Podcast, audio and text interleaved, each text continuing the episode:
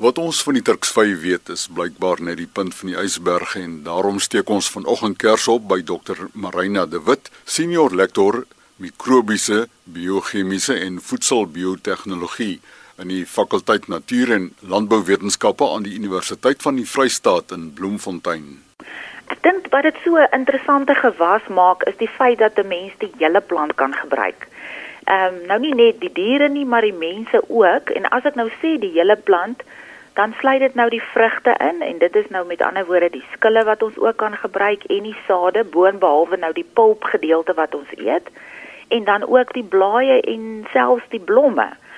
Ons weet nou almal dat die turksvye vanaf Mexiko afkomstig is en dit is al duisende jare wat die Meksikane dit gebruik, nie net vir voeding nie, maar ook vir die medisinale eienskappe wat daaraan verbonde is.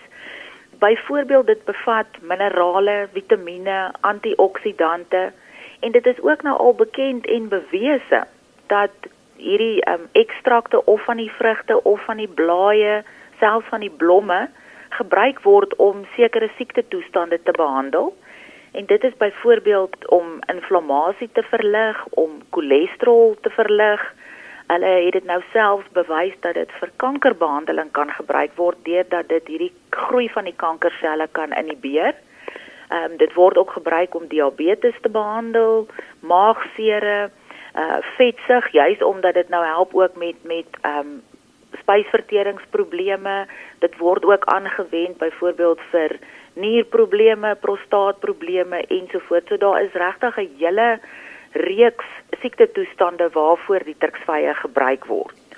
Ons het nou al gekyk in die verlede ehm um, na die vrugte, veral na die vrugte om bietjie te kyk, jy weet, wat is die gesondheidseienskappe in terme van die vitamiene ensovoorts. My fokus het nou die laaste tyd 'n bietjie verskuif om te kyk na alternatiewe gebruike van die turksvy. Ons weet dat die vrugte gebruik kan word. Ons weet ons kan sappe daarvan maak. Ons kan die vrugte vries. Ons kan konfyt kook. Ons kan turksvy stroop kook. Die dinge weet ons nou al. Maar wat van die afvalprodukte? Byvoorbeeld die skille van die turksvye of die sade, die pitte van die turksvye en selfs ook die blaaie. Nou die mooi woord daarvoor is dan nou die kladodes. Maar wat kan ons as mense met daardie kladodes maak? So ja, my fokus die laaste tyd is om bietjie te gaan kyk na die pigmente wat ons byvoorbeeld kry in die skille wat daardie mooi kleure, die pers en die rooi pigmente en dan kyk ek ook nou bietjie na die die olies in die sade en dan ehm um, die slaimgom wat gewoonlik 'n nadelige effek is vir al as 'n mens na die turksvye wil verwerk. So ek wil bietjie kyk of ons nie daardie nadelige dinge kan gebruik tot voordeel nie. In die eerste ene wat ek wil vertel oor is die pigmente. So die verskillende kleure. Ons weet die kleure van die turksvye wissel van groen na geel na oranje na rooi na pink, selfs die pers as ons nou dink aan die ou beesterksvy, die perskleur. En daardie pigmente, boonbehalwe dat dit kan ehm um, dien as 'n kleurmiddel, is dit ook baie sterk antioksidante. En ons fokus dan nou veral na die aan die beta-laïene wat daardie perspigment is. So ons ekstraheer dit dan nou uit die die pers of die rooi vrugte en maak gewoonlik 'n waterige ekstrak daarvan en droog dan nou hierdie ekstrak sodat ons 'n 'n kleurstof of 'n pigment in 'n poeiervorm het. En so het ons nou al van hierdie pigmente gebruik in produkte soos roomys en jogurt en vrugtesappe. Ons het jelly lekkers het ons al gekleur daarmee selfs ek kan nou nie vinnig dink aan die mooi Afrikaans vir 'n red velvet kyk nie, maar ons het selfs al gekyk of ons nie met daardie perspigmente daardie rooi kleur kan kry nie. Wat hierdie beta-laïene nou so so uniek maak is dat ons hierdie perspigmente net in die turksvye kry en in beet en ook byvoorbeeld in die rooi amarant. En 'n voordeel van hierdie beta-laïene is omdat dit natuurlik is uh, mense wil wegbeweeg van sintetiese kleurstowwe. So hierdie is natuurlike um, kleurmiddels en hulle het ook 'n goeie stabiliteit. So in verskeie suurheidsgrade en selfs by hoë temperature en lae temperature bly hierdie beta-laïene stabiel. En die voordeel wat die turksvye het is omdat ons 'n waterige ekstraak maak, is daar nog van die suikers teenwoordig. So dit gee dan nou ook aan hierdie ehm um, produkte wat ons gekleur het, gee dit dan nou ook nog 'n aangename geur en en smaak. As ek dalk ehm um, gou-gou kan vertel bietjie van die kladodes.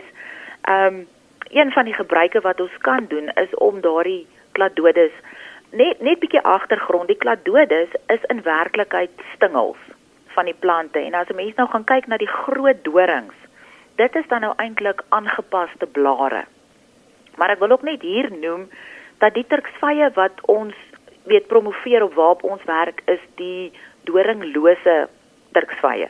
So met ander woorde, dit beteken nie dat hulle nie meer daai klein fyn doringkies het nie.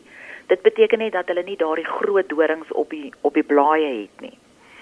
So as ek dan nou verwys na die blaaie of die kladodes, dan is dit nou die die blare soos wat ons dit nou weet van praat en wat ons nou van ken. En wat een van die dinge wat ons kan doen is om daardie blaaie te droog en dit dan fyn te maal sodat ons 'n meel het. Nou hierdie meel het dan 'n baie hoë veselinhoud, iets soos 43% vesel. So gewoonlik in ons dieet het ons altyd 'n tekort aan vesel. En ons kan dit nou gebruik byvoorbeeld in ehm um, gebakte produkte en selfs in Mexiko gebruik hulle dit nou weer as as 'n um, bestanddeel in die tortillas wat hulle so baie eet. So hy het so groenerige kleur en hulle gebruik dit ook in ontbytkosse. En wat ons dan nou kan doen is om hierdie meel te gebruik om die veselinhoud van gebakte produkte te verhoog. Een van die dae sal daar 'n resepteboek uitgegee word deur deur ons departement. Ehm um, en dan wil ek nou 'n bietjie praat oor die die jong blaadjies. Ehm um, in Mexiko gebruik hulle dit as 'n groente en ons wil graag ook probeer om iets soortgelyk in Suid-Afrika te laat posvat deurdat 'n mens die jong blaadjies as hulle omtrent so groot soos 'n mens se handpalm is dan is hulle sag en hulle het geen dorings nie. En dit kan 'n mens dan nou gebruik as as 'n groente. En weer eens baie goeie gesondheidsvoordele in daardie kladodes proteïene natuurlik baie min vet so dit is al klare 'n positiewe ding wat as mense dit hoor koolhidrate en dan nou soos ek gesê die vesel wat ook belangrik is. Nou wat ons met daardie klein blaadjies kan doen is om byvoorbeeld souse te maak of dit in slaaië te gebruik. As jy die die produk rou gebruik, dan laat dit jou nogal dink aan ietsie tussen 'n komkommer en miskien 'n green pepper in terme van die smaak en die tekstuur. So hulle gebruik dit ook om sappe te maak en sekere lekkernye wat hulle uh, maak. Hulle hulle maak 'n tipe van 'n chili bite. Maar in plaas van om 'n vleisie of 'n biltongkie te gebruik, gebruik hulle 'n stukkie van die kladode. En dan pikkel hulle dit ook e, of hulle lê dit in in in 'n soutwatertjie en dit kan dan nou later gebruik word in verskillende groentegeregte. Nou die slaimgom is daardie slaim wat wanneer 'n mens 'n turksvy blad middeldeur sny, dan is daar 'n slijmerige afskeiding. En dit is 'n belangrike komponent want dit is verantwoordelik vir die bind van water en dit maak dat die turksvy in die droë tye kan oorleef. Want dit hou absoluut die water vas en ons het nou gedink om bietjie te kyk watse funksionele eienskappe het hierdie slaimgom in voedsel. Met ander woorde, watse funksie kan dit verrig in voedselprodukte? So ons het nou al bietjie gekyk daarna as 'n emulsifiseerder, 'n stabiliseerder, 'n vetvervanger, 'n verdikkingsagent, 'n waterbinder. En as ek nou van hierdie 'n paar voorbeelde kan noem is ons het nou al gekyk om byvoorbeeld hierdie slaimgom te gebruik om eiergeel te vervang as 'n emulsifiseerder in die maak van mayonnaise. Ons het ook gekyk om dit te gebruik om die olie te vervang in mayonnaise. Met ander woorde, as jy dan dink aan 'n aan 'n laafvet produk wat miskien die helfte van die olie het as wat die oorspronklike resep sou gesê het. Ons het ook gekyk om dit te gebruik as 'n waterbinder en 'n stabiliseerder in produkte soos roomys of jogurt. Ons het ook gaan kyk wat se invloed het dit as 'n mens lekker goed maak, soos byvoorbeeld 'n skuimstelsel soos marshmallows of 'n gel tipe lekker lekkerny soos 'n Turkish delight en dan iets waarna ons nou kyk is om byvoorbeeld dit te gebruik as 'n hulle noem dit 'n um edible coating as ek nou mooi kan die Engels gebruik maar dit is basies 'n plastiek omhulsel wat 'n mens dan rondom vars vrugte en groente kan sit om die rakleeftyd te verleng. So as 'n mens nou gaan dink waar hulle gewoonlik die plastiek of gladwrap gebruik om om die produkte toe te maak, kan 'n mens dan nou hierdie eetbare omhulseltjie gebruik om die rakleeftyd van die van die voedsel te verleng. Ek wil nog so 'n bietjie praat oor die olies in die pitte. Dit is nou nog 'n afvalproduk waarna ons kyk en dit is nou die sade waaruit mense baie hoë kwaliteit olie kan pers.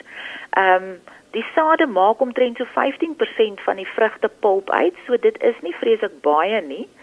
Maar hierdie olie het 'n baie hoë onversadigheidsgraad, met ander woorde so 80% van die olie is uh, bestaan uit onversadigde vetsure, wat nou jou goeie en die gesonde vetsure is. En dit is hoofsaaklik die omega 6 vetsure, maar saam met hierdie vetsure bevat dit ook nou nog Vitamiene E en K en dan nou ook beta-karotene, met ander woorde antioksidante wat bydra tot die stabiliteit van hierdie olies. So ons het in samewerking met die Landbou Navorsingsraad het ons die 42 kultivars wat ons hier in Bloemfontein het, het ons nou ontleed in terme van die olieinhoud. So ons het 'n idee hoe hulle verskil, watter kultivars het die hoogste opbrengs van die olie, ehm um, wat is die stabiliteit, wat is die kwaliteit van die olies?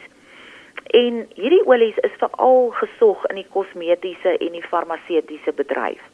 Omdat dit so 'n duur olie is, want 'n mens het byvoorbeeld 'n ton vrugte nodig om 1 liter olie te kry, sal 'n mens dan nou eerder hierdie olie gebruik in die farmaseutiese en die kosmetiese bedryf. Maar dit is definitief iets waarna ons kan kyk en ek glo waarvoor daar 'n mark is verseker. 'n Besondere plant met uitsonderlike eienskappe, die Turksvy. Dr. Marina de Wit, 'n senior lektor mikrobiese, biochemiese en voedselbiotehnologie in die fakulteit Natuur en Landbouwetenskappe aan die Universiteit van die Vrystaat. Haar e-posadres: dewitm@ifs.ac.za. Tot die volgende keer, beste wense.